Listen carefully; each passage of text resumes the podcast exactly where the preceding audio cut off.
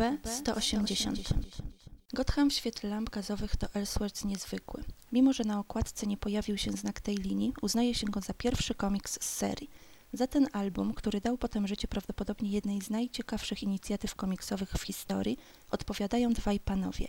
Brian Augustyn, przez wiele lat edytor, a także scenarzysta głównie takich tytułów jak The Flash, Justice League czy Imperial Guard oraz Mike Mignola, którego nikomu, a na pewno czytelnikowi polskiemu przedstawiać nie trzeba, najlepiej znany jako twórca Hellboya. Opowieść, którą snują, plasuje się w nurcie popularnym, szczególnie w wypracowaniach z polskiego w klasach nauczania początkowego.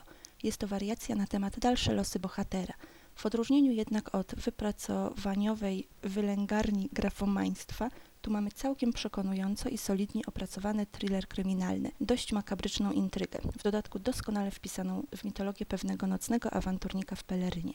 Oto, po wielu latach spędzonych m.in. na pobieraniu nauk u doktora Freuda, do Stanów wraca młody milioner, Bruce Wayne.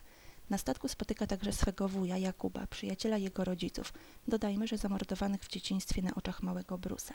Tymczasem powrót do Gotham nie jest aż tak radosną okolicznością, jak można by to sobie wyobrażać. Już wkrótce w mieście zaczynają ginąć kobiety. Modus operandi pasuje do niedawnej sprawy angielskiego seryjnego mordercy nazywanego Kubą Rozpruwaczem. Nie koniec na tym. W nocy na ulicach pojawia się niezwykły, potworny człowiek przebrany za gigantycznego nietoperza. Komisarz Tolliver uważa, że to jedna i ta sama osoba. Inspektor Gordon ma trochę odmienne zdanie. Musi je szybko zrewidować, kiedy okazuje się, że przy młodym dziedzicu fortuny Wayne'ów znalezione zostaje narzędzie zbrodni. To właśnie wątpliwości Gordona, pomoc wiernego Alfreda i wspomniane narzędzie zbrodni pozwalają zamaskowanemu człowiekowi nietoperzowi ustalić prawdziwego zabójcę. Prawda jest zaskakująca i niezwykle bolesna, tym bardziej, że wraz z sekretem tożsamości Kuby rozpruwacza na światło dzienne wypływa inna, dużo starsza i dużo tragiczniejsza tajemnica. Rysunki Majka Mignoli należą do tej trudnej do zakwalifikowania grupy, która budzi zachwyt lub niechęć w równym stopniu. Jego kreska może wydawać się z pozoru kanciasta i chwilami nawet zbytnio uproszczona, ale w tych twardych, mocno i pewnie poprowadzonych liniach kryje się niezwykła siła wyrazu.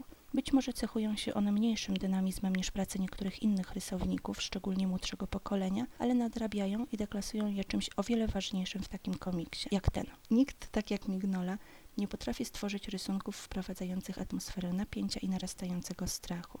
Strona po stronie zagłębiamy się w tę opowieść, bezwzględnie poddając się świetnie poprowadzonej narracji, nie zdając sobie nawet sprawy, kiedy włos podnosi się nam na karku. To rzadka i niezwykle cenna umiejętność, co Mignola wielokrotnie już udowodnił, rysując wiele opowieści z Mrocznym Rycerzem, jak chociażby hołubione także u nas Sanctum. Jest to jeden z lepszych Elseworldsów i jeden z lepszych albumów z Batmanem wydanych w Polsce. Jeżeli jeszcze go nie znacie, to powinniście to czym prędzej nadrobić, bez żadnych dyskusji.